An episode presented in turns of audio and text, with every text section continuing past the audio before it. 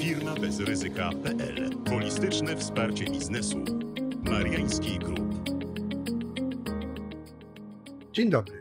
Nazywam się Adam Mariański, jestem partnerem w Mariański Group. Zapraszam na kolejny odcinek podcastu Firma bez ryzyka. Dzisiaj porozmawiamy o kryptowalutach, genezie, aspektach prawnych oraz opodatkowaniu dochodów z transakcji kryptowalutami. Dzisiejszymi gośćmi podcastu Firma bez ryzyka jest pani mecenas Aneta Hałat Dzień dobry. oraz pani Marta Olewińska. Dzień dobry. Współcześnie mamy do czynienia z wyjątkowo intensywnym rozwojem tzw. nowych technologii. Gospodarka cyfrowa, transgraniczność zawieranych umów, faktyczny brak granic dla działań w internecie oraz najnowsze technologiczne nowinki jak token, tzw. tokenizacja czynności, smart kontrakty, kryptowaluty, w tym bitcoin, DLT oraz blockchain, big data to tylko niektóre z narzędzi, które wyprzedzają prawo i stawiają przed prawnikami nowe wyzwania. No właśnie, pani mecenas, czym właściwie jest ten blockchain? Blockchain to technologia, która pozwala na tworzenie dóbr w świecie cyfrowym. Blockchain to pewna baza danych, bloki, które są dołączone do pewnego łańcucha. Każda kryptowaluta to osobny blockchain. Mniej więcej co 10 minut dołączany jest kolejny blok i transakcje te trafiają do sieci. Bloki powiązane są kryptograficznie. Właśnie, dzisiaj już jakby jesteśmy przyzwyczajeni do słowa kryptowaluta, ale pytanie, kiedy właściwie powstały te kryptowaluty? Datuje się, że kryptowaluty powstały w 2008 roku jako tak zwany system gotówki elektronicznej, czyli z założenia bez udziału pośredników, na przykład banków. E, Technologia ta posiada pewne źródła ideologiczne, wynikające chociażby z braku zaufania do systemu finansowego. Kolejne transakcje są co do, co do zasady dopisywane, ponieważ zmiany w rejestrze, czyli na przykład dopisywanie czegoś, prowadziłoby do rozerwania łańcucha. Dopisywanie kolejnych transakcji powoduje, że sieć blockchaina rośnie. Taki system, taki mechanizm powoduje, że sieć jest transparentna, czyli wszystko widać historycznie. Mhm. No i tu się pojawia pytanie, w jaki sposób te kryptowaluty można nabywać, bo jak rozumiem, jest to poza systemem bankowym. Zgadza się.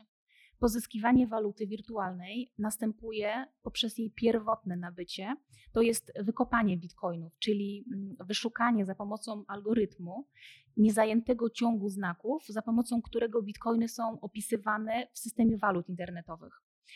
E, System posługuje się nawiązaniem do złota. E, Wykopuje nowe monety zgodnie z algorytmem zapisanym w programie komputerowym, bądź przez wymianę złotych na bitcoiny. E, Samo nabycie waluty wi- wirtualnej nie stanowi przysporzenia podlegającego opodatkowaniu podatkiem dochodowym. No właśnie, tutaj jest takie jednak pytanie, jakby na co dzień spotykamy się z pojęciem koparki, tak? Ale to nie chodzi o takie koparki, które stoją normalnie na ulicy i kopią ziemi, tylko to są programy komputerowe, które tworzą tę walutę. Zgadza się, zgadza się. Natomiast sama kryptowaluta stanowi zapis cyfrowy, który jest e, przechowywany w formie elektronicznej, a jej przechowywanie może odbywać się za pośrednictwem podmiotu trzeciego, czyli na przykład giełdy, a, a także bez udziału pośrednictwa jakiegokolwiek podmiotu trzeciego, na przykład w portfelu na dysku twardym komputera, innym nośniku danych lub w pamięci wirtualnej. E, Czyli wszystkie operacje dokonywane za pośrednictwem kryptowalut podlegają tylko i wyłącznie na dokonywaniu odpowiednich zapisów w systemach informatycznych i nie są związane z wydawaniem jakichkolwiek dokumentów lub innego rodzaju potwierdzeń o charakterze materialnym. No tak, ale przy obrocie nawet instrumentami finansowymi przyzwyczailiśmy się, że jednak jakieś dokumenty są, potwierdzenia transakcji, rozliczenia. Zatem pytanie, jak wygląda rynek kryptowalut? Aktualnie rynek kryptowalut rośnie. E, Można tutaj powiedzieć o najbardziej popularnej kryptowalucie, czyli bitcoinie. E, Bitcoin może być przekazywany przez fundusze inwestycyjne, natomiast sama wartość bitcoina fluktuuje, czyli wartość ta bardzo się zmienia, stąd ryzyko transakcyjne jest bardzo duże. Rynek kryptowalut jest rynkiem bardzo kon- konkurencyjnym, czyli mniej więcej co 10 minut ktoś zgarnia nowe bitcoiny. Natomiast sama komunikacja uczestników, jak również sama sieć jest rozproszona. Sieć działa na zasadzie licencji open source, czyli od tak zwanego otwartego kodu źródłowego, ponieważ Bitcoin oparty o zamknięty kod źródłowy byłby po prostu niemożliwy. Oczywiście w systemie tym istnieją konta oraz klucze kryptograficzne, e, co sprawia, że kryptowalutą e, dysponuje osoba, która ma klucz prywatny, czyli krótko mówiąc, kontroluje bitcoina.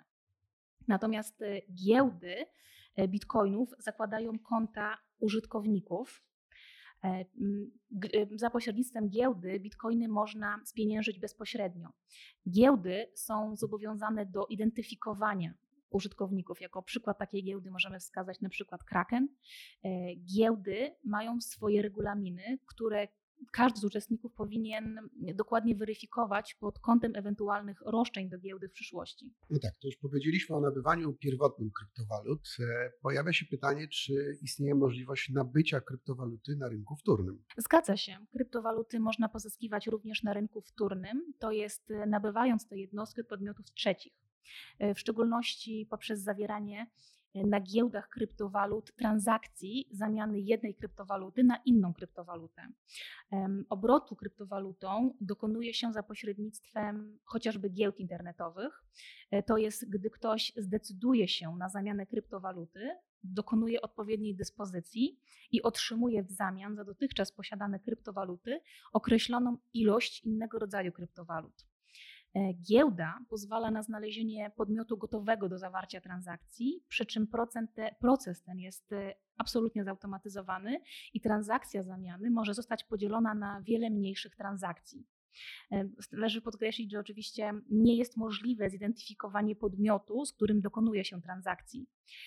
Ze względu też na często istotne zmiany wartości kryptowalut, które mają miejsce w obrębie tej samej minuty, wartość kryptowalut bardzo szybko zmienia się, fluktuuje, natomiast rynek kryptowalut oraz, y, no, dlatego też rynek kryptowalut oraz kryptoaktywów charakteryzuje się bardzo dużą zmiennością.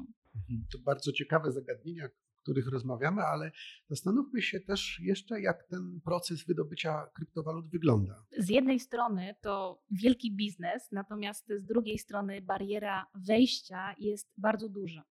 E, mówi się, że bitcoin to cyfrowe złoto. E, kopalnie bitcoinów to ogromne hale zajmujące się dostarczaniem mocy obliczeniowej. E, bitcoinów jest jednak wydobywane coraz mniej. W Polsce z uwagi na rosnące ceny prądu w Polsce zaczęto się wycofywać, zaczęto wycofywać komputery z hal. Natomiast globalnie bitcoinów przybywa, ale wiadomo, że będzie ich pewna nieograniczona ilość. Przyjmuje się, że bitcoinów nie może być więcej niż 21 milionów. Natomiast jeżeli chodzi o sam e, proces wydobycia, to ze względu na konieczność poniesienia znacznych nakładów pracy w sytuacji chęci dołączenia do tego procesu, e, pojawiły się na rynku podmioty umożliwiające inwestowanie w kopalnie kryptowalut, czyli wyspecjalizowany podmiot dostarcza wówczas sprzęt niezbędny do wykopywania kryptowaluty e, oraz jego obsługę przez cały czas świadczenia usługi. Natomiast, jak pokazały przykłady krajowe oraz zagraniczne, niejednokrotnie zdarzało się, że inwestorzy po opłaceniu stosownego, powiedzmy, abonamentu, pomimo zapewnień podmiotu prowadzącego kopalnię, nigdy nie otrzymały umówionej usługi.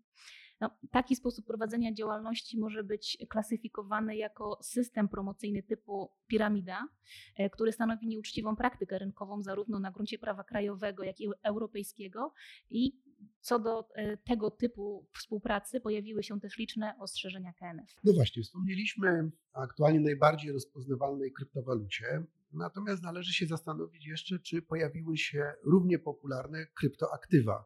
Czy można wskazać na jakieś najbardziej rozpoznawane? E, oczywiście. Warto również wspomnieć o blockchainie 2.0, takim jak Ether, który pozwala na więcej niż tylko dokonywanie transakcji. E, to znaczy, użytkownicy uzyskują także udział w systemie i głosują ci użytkownicy, którzy posiadają tak zwaną e, jednostkę obliczeniową, czyli kryptowalutę tego systemu.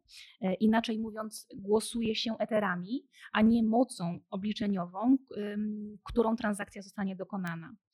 Kolejny blockchain, o którym warto wspomnieć, to Tezos. Emisja tezosów, czyli inaczej tokenów, następuje po pozyskaniu określonych środków, zbudowaniu systemu. Wówczas użytkownicy, którzy wnieśli środki, będą mogli uczestniczyć w systemie. W dużym uproszczeniu tokeny to takie prawa udziałowe poprzez zbieranie kapitału.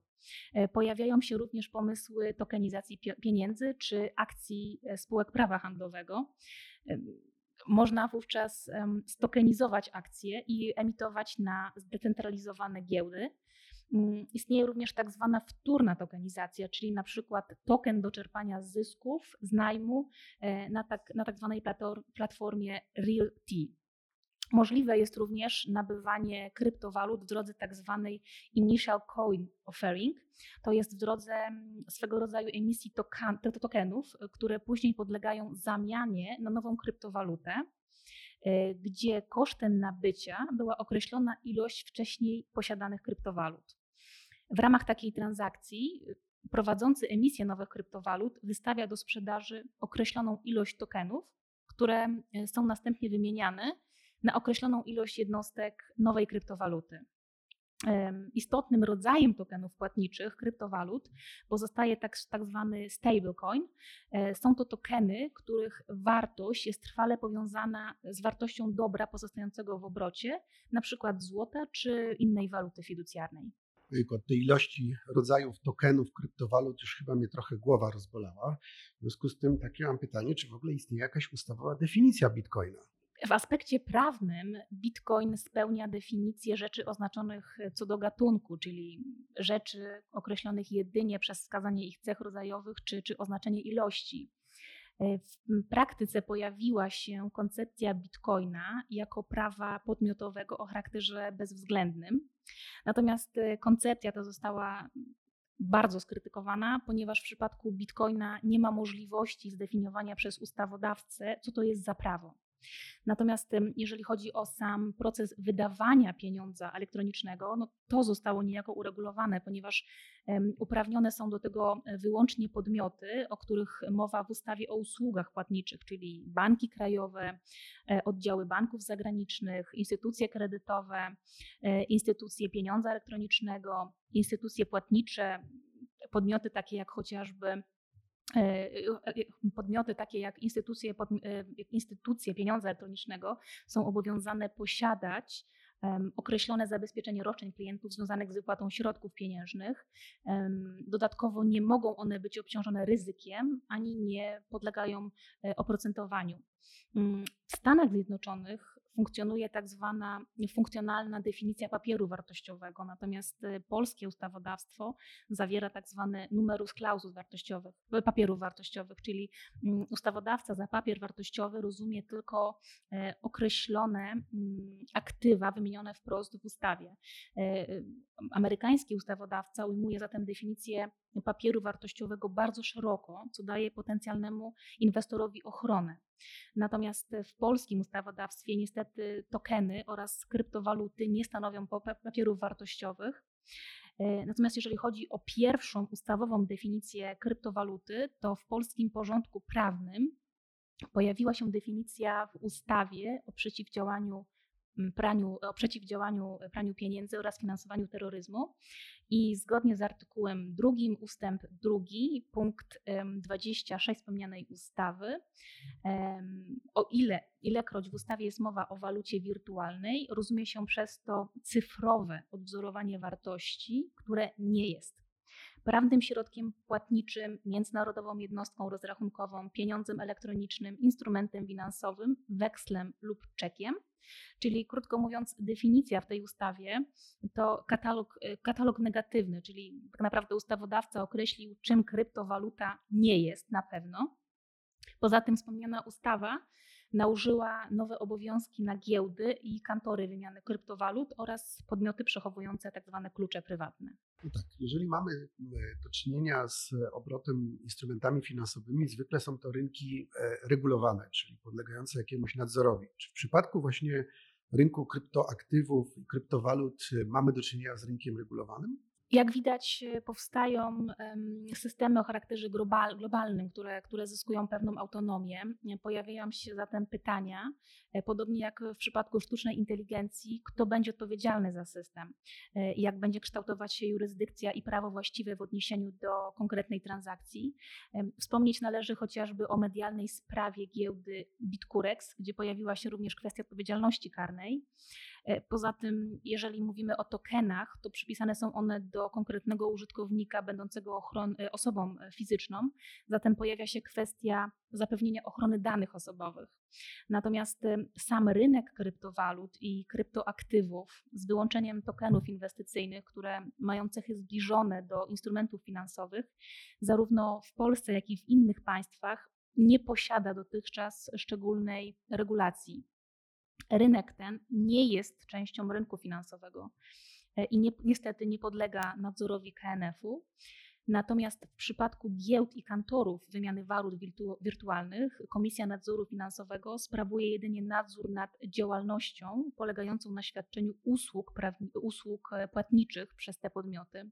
Jednak nie można mówić o bezpośrednim nadzorze KNF nad działalnością związaną z emisją kryptowalut. No tak, no skoro nie mamy takiego nadzoru, bezpośredniego nadzoru mm, KNF-u bądź innego organu, nad tym rynkiem, tym, tym rodzajem rynku finansowego, to powstaje pytanie, jakie ryzyka wiążą się z obrotem kryptoaktywami. Kryptowaluty takie jak Bitcoin czy Ether mm, nie są emitowane ani gwarantowane przez e, bank centralny państwa nie są zatem pieniądzem, to jest e, środkiem płatniczym ani walutą fiducjarną.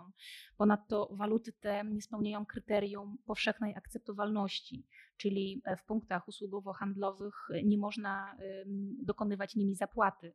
Natomiast e, ich wartość jest również niezależna od wartości innego aktywa, czyli na przykład złota czy innej waluty, na przykład euro czy, czy dolara amerykańskiego i jest określona na podstawie pewnej popularności tej kryptowaluty waluty czy kryptoaktywa wśród inwestorów e, i ze względu na stosunkowo ograniczony rynek obrotu tokenami płatniczymi, posiadacze znacznej ilości kryptowaluty mogą znacząco wpływać na jej kurs. Natomiast e, w przypadku mniej znanych kryptowalut e, możemy spotkać się z sytuacją, gdzie dochodzi do tak zwanego sztucznego zawyżania wartości, na przykład, na przykład przez zmasowane publikowanie w mediach społecznościowych komunikatów zawierających entuzjastyczne opinie na temat danego aktywa, co oczywiście ma na celu przyciągnięcie inwestorów e, i przedstawienie odpowiedniego poziomu wartości danego aktywa. Natomiast no, organizatorzy mm, takiego działania sprzedają kryptoaktywa, e, których wartości no, nie jesteśmy w stanie w żaden sposób zweryfikować. Natomiast wówczas osiągają oni znaczny zysk, a pozostali inwestorzy mogą ponieść stratę w wyniku znacznego spadku ceny danej kryptowaluty. No dobrze, to poznaliśmy już ryzyka prawne związane z e, tworzeniem, wydobywaniem oraz obrotem kryptowalutami, innymi kryptoaktywami. Powstaje pytanie, czy te ryzyka nie są związane także z prawem podatkowym. No właśnie, pani mecenas, kryptowaluty istnieją już od 2008 roku. Jak zatem w Polsce kształtowały się regulacje dotyczące opodatkowania obrotu walutą wirtualną? Dyskusja w sprawie e, opodatkowania kryptowalut może nie rozpoczęła się aż tak wcześnie w Polsce, ale na pewno pierwsze oficjalne rozważania w tym temacie można zaobserwować od 2013 roku. Mniej więcej od tego roku bowiem pojawiają się pierwsze interpretacje indywidualne ministra finansów. A co okazało się największym problemem? To przede wszystkim e, klasyfikacja dochodów z kryptowalut do źródła przychodów oraz objęcie obrotu nimi podatkiem VAT i PCC. Na początku tej przygody organy podatkowe zajmowały stanowisko, że czynność sprzedaży bitcoina podlega opodatkowaniu podatkiem od towarów i usług jako świadczenie usług, a co więcej, uważały, że przychód ze sprzedaży krypto należy opodatkować na zasadach ogólnych, to jest według skali podatkowej, a zatem wówczas 18 i 32% e, stawki podatku. E, przy czym stwierdzały też, że można odliczyć VAT przy zakupie kryptowaluty, ale faktycznie i praktycznie nie było to możliwe, ponieważ miejsca, na których kupowało się krypto, nie wystawiały faktur. W 2016 roku Ministerstwo Finansów na szczęście wycofało się z tego pomysłu, e, co widać po stanowiskach prezentowanych w interpretacjach podatkowych, uznając, że w zakresie wymiany kryptowaluty znajduje zastosowanie zwolnienie z podatku VAT. Jednak dobra passa nie trwała e, też długo, bo jak nie VAT, to należy transakcje związane z kryptowalutą opodatkować PCC. I tak właśnie Ministerstwo Finansów, nazywając kryptowalutę prawem majątkowym, uznało, że umowa sprzedaży oraz zamiany kryptowaluty na inną walutę wirtualną podlega opodatkowaniu podatkiem od czynności cywilnoprawnych w wysokości 1% wartości rynkowej nabywanego prawa majątkowego. Jak można się domyśleć, były to tak astronomiczne kwoty dla podatników, że zapłata takiego podatku często przekraczała faktyczny zysk. Na szczęście Ministerstwo Finansów zapoznało się bliżej e, z działaniem krzywej Lafera i wycofało się jeszcze w 2018 roku z tego pomysłu, zwalniając kryptotransakcje z PCC. No tak, to widzimy, że brak regulacji podatkowej, w jaki sposób należy opodatkować w różnych podatkach transakcje dotyczące kryptowalut, prowadził do poszukiwania, czy tak jak pani powiedziała, do pewnej przygody intelektualnej z Ministerstwem Finansów, w jaki sposób to opodatkować. No bo często tak w Polsce mamy, że nieważne jak, ale jakiś podatek trzeba zapłacić. No ale jak rozumiem, jednakże pewne regulacje dotyczące opodatkowania tych transakcji się pojawiły i jak wyglądają zasady opodatkowania właśnie tych transakcji obecnie? Teraz y, zasady opodatkowania wyglądają dość prosto. Samo rozliczenie jest proste. Problemy może sprawiać jedynie gromadzenie dokumentów, y, z których wynika osiągnięty przychód, ale przede wszystkim poniesione koszty na nabycie waluty wirtualnej. Po pierwsze, obrót walutą wirtualną nie jest opodatkowany podatkiem VAT obecnie a transakcje sprzedaży zakupu czy wymiany są zwolnione z podatku od czynności cywilnoprawnych. I to już jest pewne. Zagadnienia te nie stanowią już obecnie problemu. Ustawodawca zajął się natomiast kwalifikacją przychodów do kryptowalut, z kryptowalut do odpowiedniego źródła i uznał, że na gruncie podatku dochodowego od osób fizycznych będą to kapitały pieniężne, a w ramach podatku dochodowego od osób prawnych przychody z zysków kapitałowych. Z tym, że e, jest to takie źródło w źródle, ponieważ e, przychodów i kosztów związanych ze sprzedażą i zakupem waluty wirtualnej nie łączymy z żadnymi innymi przychodami czy kosztami. Nie możemy zatem także rozliczyć z innymi przychodami straty, jaką ponieśliśmy na obrocie walutą wirtualną.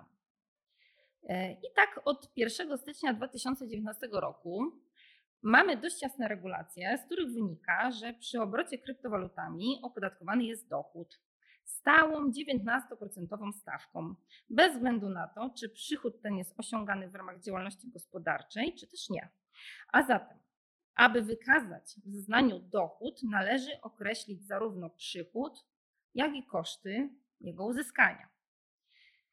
I do przychodów z obrotu walutami wirtualnymi zaliczane są między innymi przychody z ich sprzedaży na giełdzie, w kantorze walut wirtualnych, czy na przykład koledze po ich wykupaniu. A zatem wszystkie przychody z wymiany kryptowaluty na prawny środek płatniczy, na tak zwany fiducjarny. Przychód powstaje także w przypadku zapłaty takimi walutami za towar, za usługę lub e, też e, jeżeli regulujemy e, walutą wirtualną inne zobowiązania. A zatem, jeżeli na przykład umożliwią z powrotem nam zakup Tesli za bitcoina albo otworzą się na inną walutę, to wówczas powstanie nam przychód w wysokości wartości tej Tesli. I teraz jeszcze dobra wiadomość. Wymiana kryptowalut pozostaje obojętna podatkowo. Możemy więc masowo dokonywać wymiany w ciągu roku bitcoina na Ethereum czy Ethereum na Trona lub Ripple'a i nie powstaje nam przy tym przychód y, w rozumieniu ustawy. Czyli rozumiem, że to jest korzystniejsze niż w przypadku chociażby transakcji dotyczących akcji czy innych papierów wartościowych, gdzie sprzedaż i nabycie nowych no, skutkuje jednak powstaniem e, dochodu. No, tu tego dochodu nie ma, bo nie powstaje najpierw w ogóle przychód. Więc rozumiem, że transakcje e, kryptowalutą będą lepsze, lepiej opodatkowane, czy brak będzie opodatkowania, do momentu oczywiście realizacji zysków. Dokładnie, do momentu, aż postanowimy te kryptowaluty sprzedać lub wymienić na e, usługę lub towar. E, natomiast kosztami uzyskania przychodów e, z kryptowalut są dwa rodzaje wydatków. Udokumentowane wydatki bezpośrednio poniesione na nabycie waluty wirtualnej oraz koszty związane ze zbyciem tej waluty. Kosztami uzyskania nie są zatem między innymi koszty finansowania e, zakupu walut wirtualnych, e, czyli koszty pożyczek, kredytów, które e, często zaciągamy w tym celu, kosztami uzyskania przychodów też nie są poniesione wydatki związane z zamianą waluty wirtualnej na inną walutę wirtualną. Czyli jeżeli robimy coś tak naprawdę masowo, bardzo w ciągu roku, zamieniamy jedną walutę na drugą walutę wirtualną, e, to wówczas te koszty, koszty tych transakcji, za które nas obciążają giełdy, nie możemy sobie wrzucić w koszty uzyskania przychodów. E, I jeszcze ważne jest, iż organy podatkowe, choć to nie mądre, uważają, że do kosztów podatkowych nie można zaliczyć kosztów sprzętu przeznaczonego do kopania waluty wirtualnej oraz koszty zużywanej przy, tej, przy tym energii elektrycznej. Jest to nielogiczne, ponieważ właśnie w ten sposób wiele osób e, czy podmiotów e, wchodzi bezpośrednio w posiadanie waluty wirtualnej, z której na chwilę, za chwilę osiąga przychód ale może z czasem ta linia interpretacyjna się zmieni. To w ogóle jest ciekawe pytanie, jak organy podatkowe będą weryfikowały poniesienie tych kosztów podatkowych, skoro te transakcje będą dokonywane na wielu rozproszonych rynkach e, i uzyskanie nawet w ramach międzynarodowej wymiany informacji podatkowych właśnie informacji dotyczących rzeczywiście poniesionych kosztów związanych z tymi transakcjami może być dość problematyczne chyba raczej wydaje się, że organy będą musiały zaufać deklaracjom podatnika, jakie rzeczywiście koszty poniósł. Dokładnie. Jeżeli, e, jeżeli chodzi o e, giełdy, to mamy giełdy, które są zarejestrowane i tam faktycznie organy podatkowe mogą w prosty sposób dowiedzieć się, e, jakie tak naprawdę koszty ponieśliśmy, a przede wszystkim to, co ich najbardziej interesuje, jakie przychody osiągnęliśmy z tytułu waluty wirtualnej. E, ale także na rynku wiadomo, że możemy spotkać tak zwane e, wallety e, waluty wirtualnej, na przykład Exodus, gdzie tak naprawdę no już ze względu na to, że wszystko mamy w telefonie, organ podatkowy nie jest w stanie tego wykryć. No właśnie, tu tych pewno ciekawych zagadnień będzie dość dużo, natomiast no zależy, należy coś się zastanowić, jak można rozliczać w ogóle te koszty mm, podatkowe, czyli po pierwsze w czasie, jak je rozliczać, no bo w przypadku akcji lub innych papierów wartościowych koszty e, nie rozliczamy w momencie ich poniesienia, tylko w momencie uzyskania przychodu. No ten przychód, tak jak już Pani mówiła, powstaje na końcu, czyli wtedy, kiedy realizujemy zysk. No a ten koszt kiedy rozliczamy? Co do momentu, e, w którym można potrącić koszt nabycia waluty wirtualnej, e, to co do zasady potrącalne są w tym roku podatkowym, w którym zostały poniesione i w zeznaniu za ten rok należy je wykazać. E, ustawodawca jednak wprowadził wyjątek od tej zasady e, i jest to pozytywne, który polega na tym, że koszty danego roku podatkowego, które przewyższyły uzyskane przychody, zwiększają koszty podatkowe następnego roku podatkowego. Mowa jest o następnym roku podatkowym w przepisie, a nie o następnych latach podatkowych, dlatego można się zastanawiać, czy to się nie ogranicza tylko do jednego roku, do tego jednego kolejnego, ale nie. Już w interpretacjach podatkowych widzimy zgodność co do tego, że można rolować te nieodliczone koszty na kolejne lata podatkowe, e, a datą graniczną będzie tutaj zatem data przedawnienia. Nie zakłada się przy tym identyfikowania konkretnych wydatków z konkretnymi przychodami. Nie mamy więc tutaj kosztów bezpośrednich. Wszystkie koszty, jakie podatnik poniesie w danym roku, wykazuje w zeznaniu rocznym, niezależnie od tego, czy w tym samym roku uzyska przychód, czy też go nie uzyska. No, jak widzimy, te przepisy są dość skomplikowane. No, na szczęście są tak samo skomplikowane dla podatnika, jak i dla organów podatkowych. E, do tej pory nie spotkaliśmy się jeszcze z kontrolami podatkowymi i decyzjami dotyczącymi rozliczenia podatku właśnie z tego typu transakcji, najczęściej mamy do czynienia jedynie z wnioskami o interpretację podatkową, gdzie podatnicy pytają o różne mm, zagadnienia. No także związane z mm, opodatkowaniem transakcji, które dotyczą kryptowalut e, nabytych przed wejściem w życie mm, tych regulacji. No bo tak jak już Pani powiedziała, te regulacje obowiązują od 1 stycznia 2019 roku. Co zatem? W przypadku, gdy na przykład w roku 2021 podatnik e, sprzedał bitcoina, którego zakupił w 2018 roku i wtedy poniósł koszt jego nabycia, a wtedy jeszcze przecież te regulacje nie obowiązywały. I rozumiem, że tego kosztu jeszcze nigdzie nie wykazał. No tak, tak. Otóż w przepisach przejściowych e, ustawy wprowadzającej regulacje dotyczące opodatkowania kryptowalut jest przepis, wskazujący sposób traktowania kosztów uzyskania przychodów z tytułu odpłatnego nabycia waluty wirtualnej, a poniesionych przed 19 rokiem. E, koszty, które podatnik poniósł i nie zdążył odliczyć do końca 2018 roku, miał prawo uwzględnić po stronie kosztów uzyskania przychodów w zeznaniu składanym za 19 rok, jako poniesione i nieodliczone od przychodów. Jeżeli zatem Teraz podatnik odnajdzie dokumenty, z których wynika, że nabył walutę wirtualną, to nie może tych kosztów wykazać po raz pierwszy w zeznaniu za 2021 rok, ale może dokonać korekty odpowiedniego zeznania za 2019, a następnie za 2020 i te nieodliczone koszty z tych lat y, wsumować i wykazać dopiero w deklaracji za 2021 rok. Tu widzimy, że to rozliczenie przychodów i kosztów dotyczących bitcoinów i innych kryptowalut nie będzie proste. A i właśnie tutaj pojawia się kolejne pytanie, no bo tak jak już Pani mówiła, e, wcześniej brak było tych e, regulacji dotyczących rozliczenia transakcji, przychodów, kosztów w zakresie kryptowalut i dopiero w 2019 roku się one pojawiły, ale wcześniej były różne interpretacje Ministerstwa Finansów, jak należy te transakcje rozliczać. Między innymi wcześniej wskazywano, że to są przychody ze źródła prawa majątkowe. No i załóżmy, że w rozliczeniu za 2018 rok podatnik e, wykazał właśnie stratę z takiego źródła przychodu, e, no bo tak wtedy taka była obowiązująca, można powiedzieć, linia rządzącej e, interpretacji. No i teraz powstaje pytanie, co ma zrobić z tak wykazaną stratą w rozliczeniu za ten wcześniejszy okres? W takiej sytuacji y, mogę zaproponować podatnikowi rozwiązanie, które właśnie pośrednio podpowiada nam ustawa nowelizująca. Otóż, y, jeżeli artykuł 23 tej ustawy daje nam możliwość wykazania w deklaracji PIT-38 składanej za 19 rok poniesionych w latach poprzednich, jednak nieodliczonych kosztów, to podatnik może dokonać korekty zeznania za 2018 rok i w nim dokonać korekty do zera kosztów z tytułu zakupu kryptowalut, które wykazał w PIT-36 e, w źródle przychodów prawa majątkowe i przenieść je do zeznania PIT-38 za 2019 rok. Nawet jeżeli to zeznanie w 2021 roku będzie składane po raz pierwszy.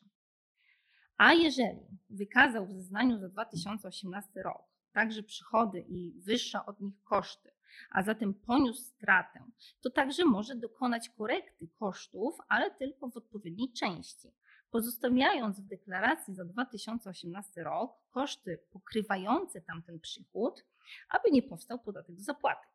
Resztę, czyli wartość straty wykazanej w zeznaniu za 2018 rok, podatnik powinien wykazać w korekcie zeznania PIT-38 składanego za 2019 rok.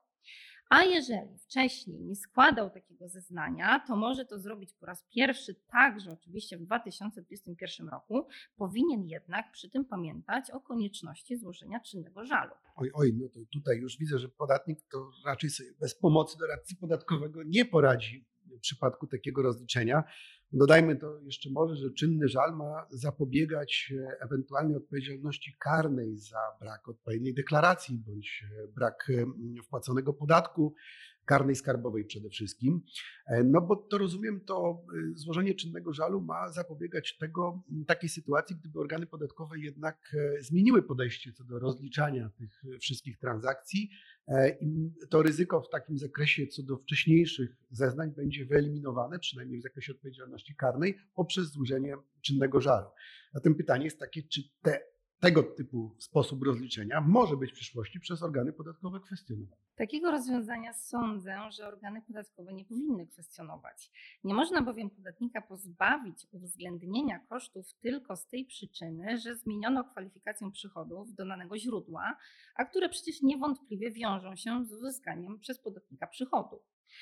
Oczywiście składanie takich korekt może być przyczyną podjęcia przez organ podatkowy czynności sprawdzających czy kontrolnych, w ramach których będzie chciał sprawdzić, czy zadeklarowane koszty mają potwierdzenie w odpowiedniej dokumentacji.